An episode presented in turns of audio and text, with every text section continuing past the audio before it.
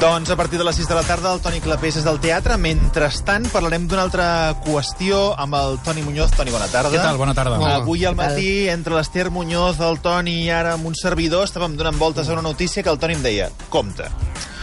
Compte, abans d'explicar-la, deixa'm trucar, deixa'm preguntar, deixa'm investigar, perquè és un tema molt estrany que hauríem no, d'explicar bé. No pot ser. Uh, és la detenció dilluns d'un regidor del PSC acusat d'assaltar un taxi a punta de pistola a Barcelona. Jesús. La Guàrdia Urbana el va detenir al districte d'Horta, Toni. Sí, eh, i el detingut és Eduard Beltran, que és un regidor del PSC del municipi Cànoves i Samalús, del Vallès Oriental, un municipi d'uns 3.000, 3.500 habitants, i aquesta persona doncs, hauria atracat el passat dilluns a un taxi a punta de pistola i hauria fugit. Això, aquesta notícia l'ha avançat al, al diari El Caso, el diari digital, el Guillem Ramos, i ho hem pogut confirmar. Eh, Eduard Beltran, que és aquest regidor de Cànoves i Samalús, es va citar amb dues persones al moll de Gregal del Port Olímpic de Barcelona cap a les dues del migdia el passat dilluns. En teoria, havia quedat amb aquestes dues persones per fer una transacció econòmica. Sembla ser doncs, que ell invertia una sèrie de diners en criptomonedes i ells li pagaven en, en metàl·lic, diners en metàl·lic. Allà, el regidor, quan estava amb aquestes dues persones, va treure una placa de la Guàrdia Civil, es va fer passar per agent de la Guàrdia Civil, Sí. va treure una pistola i es van portar els diners d'aquelles dues persones, els diners en efectiu que portaven a sobre, i tres mòbils iPhone. Regidor armat Sí? amb placa i pistola. Sí. Després va fugir d'allà, va veure un taxi. Això és un, és un dels interrogants que ens queden per aclarir, eh? Si aquell taxi va aparèixer allà per casualitat o tenia alguna cosa a veure amb tot plegat, i ara us explicarem per què. I és que després, segons aquest relat dels fets, va atracar a punta de pistola aquell taxi que va aparèixer per allà al moll, va agafar el taxi, va seguir conduint eh, Eduard Beltran, fins que, abans de sortir de la zona del port, es va encastar contra una de les pilones que hi havia per allà. Jesús.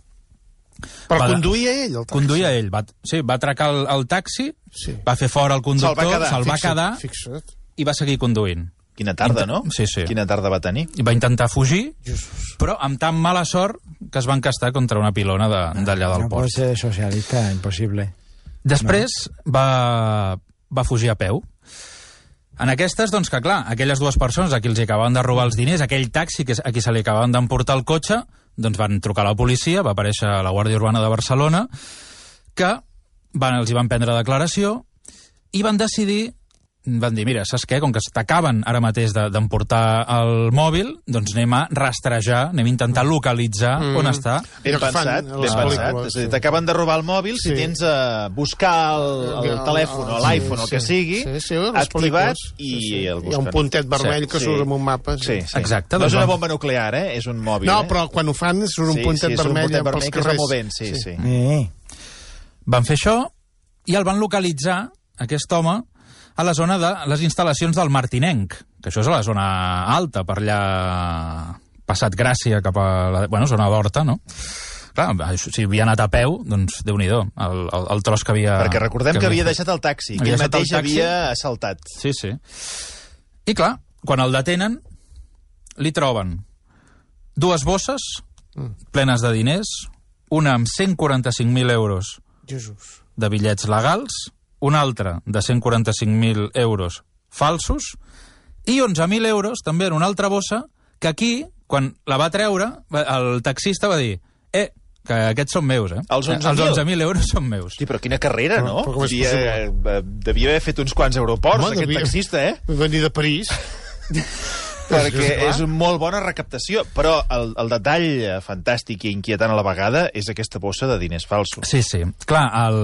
Diners de Monopoli. Segons explicaven, doncs aquest Eduard Beltran té antecedents per estafes Rip Deal, que es diu, que és una mica l'estafa de l'estampita, que es deia abans, que és allò de canviar eh, bitllets més grossos per bitllets més petits i aleshores dona, en dones menys. Doncs sembla ser que ell havia fet aquest tipus d'estafa, també tenia antecedents per haver-se fet passar per agent de la Guàrdia Civil, com també sembla ser que va fer en aquest cas, i doncs, en fi, es pensava doncs, que potser intentava fer aquest tipus d'estafa, tot i que va passar directament, va tirar pel dret i es van portar els diners, no? És una història que mereix eh, una sèrie d'uns quants capítols eh, de Netflix, perquè en tot cas estem parlant d'un dia molt productiu. Però Van això- passar moltes coses durant aquest dia i algunes peces que no acaben d'encaixar encara. Clar, això que el taxista, per exemple, reclamés els 11.000 euros, hem d'entendre, de dir, escolta, vols dir que el taxista aquell passava per allà per casualitat?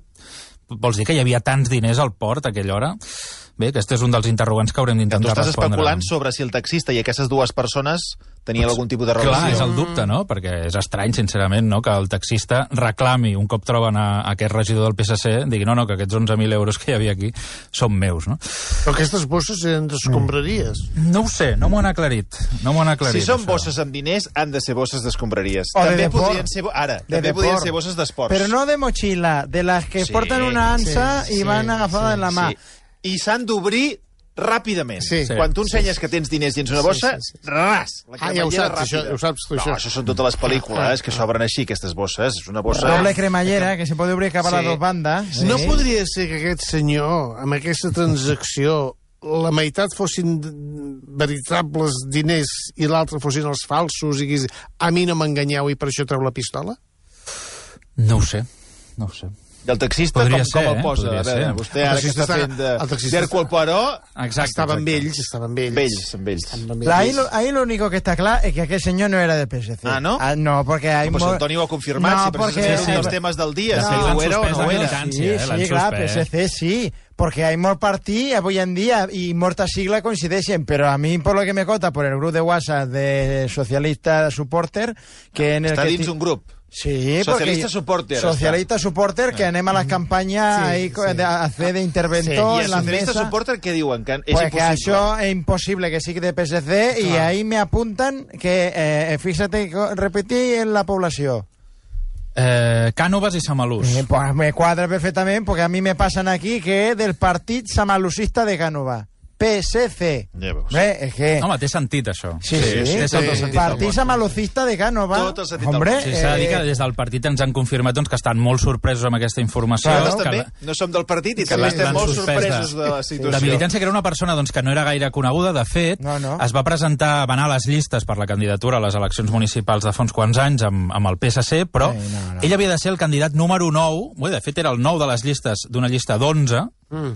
però al final els regidors que anaven per davant doncs ens van anar esborrant, van dir que no, volia, no podien assumir aquell, Ah. aquell càrrec i al final va acabar sent ell el representant del PSC a, Vols dir que una Primer. llista es va anar, va anar caient, la va anar caient i fins a arribar al número El 9. primer.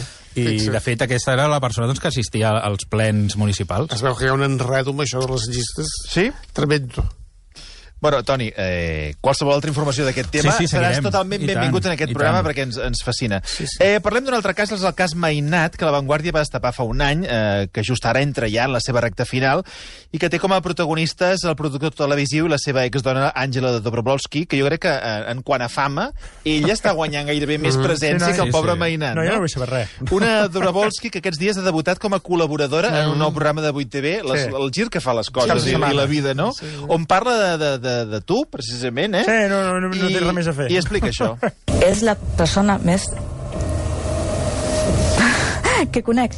No conec cap altra persona de la que he vist tan mal, tan mala voluntat, tanta crueltat intencionada. Perquè, a veure, a la teràpia de parella vam parlar algunes vegades que jo disculpava fets seus amb la seva edat. La terapeuta en aquest temps em deia sempre de que no he de fer això. Ell està al tant dels, de les seves capacitats i s'ha de responsabilitzar. Li- Varios metges li han afirmat que el seu envelliment va dins de rangs normals, no és demència, per tant s'ha de responsabilitzar per, pel, pel que fa. Sí, eh, seria una gran pregunta. Ell és conscient de que la seva denúncia és falsa? Ell és conscient de que el que fa amb els nens és eh, per venjança? La resposta és sí, és conscient. Un altre cas claríssim on la realitat ha superat àmpliament la ficció, eh? Aquesta Sí, sí. senyora era un show televisiu comentant aquest cas que destapava la Vanguardia i fa un teràpia, any. eh? amb una teràpia, un metge... Sí, sí, complicadíssim també. Uh, Toni, uh, jo no sé, uh, la participació en un espectacle televisiu, uh, quines conseqüències pot portar i del que està explicant i no està explicant, si algú en pren nota o no. Home, en principi no, i només valen les coses que es diuen en seu judicial, almenys en la investigació judicial. Ara bé, si els destapa i explica una cosa nova, doncs és possible doncs, que, la, que la incorporin a la, a la, a la investigació. Quan no No? tens res a dir, doncs que has d'inventar coses, oi? No, però s'ha s'ha de dir que Angra Dobrovolski ara, eh, diguéssim, se sent més forta perquè creu que pot guanyar aquest cas. Això ho has d'explicar. Té evidències a favor i evidències en Sí, contra. és a, dir, ara el cas Mainat, respecte a fa un any, no està tan clar com estava fa un any. Fa un any a ella l'havien detingut per intent d'homicidi, ara ella segueix imputada per aquest eh, delicte, però Recordem les punxades d'insulina, aquestes coses. Sí, aquí recordem és això, la nit del 22 al 23 de juny, Josep Maria Mainat entra en coma hipoglucèmic per una baixada de sucre, després que la seva dona li injecti dues injeccions d'alguna cosa. Ara s'ha de determinar qui, què és aquesta cosa, no? Els Mossos van dir doncs, que l'única cosa que li havia pogut provocar aquest coma hipoglucèmic era la insulina, per tant, eh, Josep Maria Mainat no pren insulina. Doncs és una voluntat d'intentar fer-li mal, no? Mm, és a dir, representa que aquella dona doncs, va anar a buscar expressament insulina per injectar-li i provocar-li la mort, o en aquest cas aquest coma que li podia haver costat la vida. Però Ara la, insulina, la insulina desapareix, es metabolitza, i aleshores no van poder rastrejar ni comprovar si realment en el cos de Josep Maria Mainat hi havia insulina. I aleshores, Angra Dobrovolski va preguntar una altra cosa, és a dir, ella sempre ha dit que el que li va posar és un tractament anti-aging, anti-envelliment, que consistia d'hormona de creixement i un, una substància que serveix per aprimar-se. I aleshores, hi ha uns forenses públics ordenats pel jutjat que van dir sí, sí, això que diu aquesta senyora pot provocar un coma hipoglucèmic. Per tant, el que ella sempre ha dit, no? Aquesta, aquest eh, tractament antienvelliment pot provocar aquest, aquesta reacció. I en per això tant, que comentes, el color de la xeringa Exacte. també és important. Sí, també és important perquè és un producte que es diu Saxenda, que és aquest que serveix per aprimar-se, que és de color blau, i és el que ella sempre ha dit que li va punxar aquella nit. Diu, no, no, jo li vaig punxar la injecció de color blau. Ara els forenses van dir que sí, que això era possible, però hi ha uns altres forenses que ha contractat Josep Maria Mainat, que van declarar la setmana passada Home, que penso que al jutjat, tonto, i que van no. dir, no, no, això no és possible. No és possible. L'única cosa que li va poder provocar un coma hipoglucèmic doncs és eh, la insulina. Mm. Per tant, ara estem encallats en aquesta situació. Recordem que entremig també hi havia una altra prova, que aquesta serà, jo crec, molt clau a l'hora de determinar si finalment anirem a judici o s'arxivarà abans aquest cas, i és el cas del glucòmetre. Recordeu que durant aquella nit, durant una hora i vint, la Dobrovolski, després d'haver injectar-li aquelles eh, injeccions, va estar mesurant-li el sucre i durant, bé, en aquell glucòmetre li va mesurar quatre vegades i es veia com anava baixant de forma precipitada el nivell de sucre fins a arribar a uns nivells molt perillosos per la vida de Mainat. Clar, ella després va trigar 20 minuts, segons l'hora, l'última medició, fins que truca a l'ambulància, 20 minuts en trucar a l'ambulància. Per què triga 20 minuts? Els Mossos creien que era simplement doncs perquè volia deixar-lo morir. Però clar, què ha dit ara Àngela Dobrovolski? No, no, però és que l'hora, l'hora del glucòmetre estava malament. Jo vaig trucar al mateix moment. Mm. Per tant, ara el que s'ha de fer és analitzar aquell glucòmetre i determinar si realment estava bé l'hora Mare o estava 20 minuts endarrerida. Tu, clar, tu abans ho insinuaves, eh, t'ho pregunto directament per la, per la teva experiència i pel que coneixes del cas. Tu creus que això està fent, s'està fent un gir o s'està equilibrant el cas, ja no és tan clar com semblava? Jo crec sobretot això, és a dir, ha perdut força l'acusació, sobretot després d'aquest informe forense públic, que són unes persones eh, que no són de part de ningú, sinó que treballen pel jutjat i que van determinar això, no? I això sí que és una, és una prova clau, sobretot pels interessos d'Àngela Dobrovolski. Ara bé, també hi ha altres elements que són sospitosos, i és que per què aquesta dona va entrar fins a 13 cops a l'habitació de Josep Maria Mainat? Ara. Per què el va Home, despertar? veure, una cosa és punxar una vegada, l'altra és allà, vinga, Clar, vinga, per vinga, què el com va si fos despertar allà... a les, a les dues de la matinada per injectar-li aquestes dues dosis d'aquest tractament antienvelliment? A les dues Clar. del matí. Això és, eh, és estrany i és sospitós. Ara bé, això no prova res, no? Aleshores, jo crec que Home, no ens prova movem en un terreny d'un un dubte que, si s'allarga molt en el temps, pot acabar beneficiant a la, Marcelí, a a tota la vida els judicis per què cauen? Pel dubte raonable. Clar. Quan, quants judicis aquí Home. no s'ha pogut demostrar? Bueno, No, veurem. no s'ha pogut demostrar perquè feia vostè les dues del Ah, exacte, aquest és l'altre tema, també. gent Aquest manera. és l'altre tema. Veurem què passa i què Ja, decideix eh? l'audiència de Barcelona. Me Toni Muñoz, moltíssimes gràcies. A Dos vosaltres. casos apassionants. Fem La 3 dona, minuts de pausa. Què diu vostè? Ara la meva dona, les dues, que em vingués amb una injecció. Ah, va, va. Dic 3 minuts de pausa i anem d'excursió al Ja, teatre. hombre.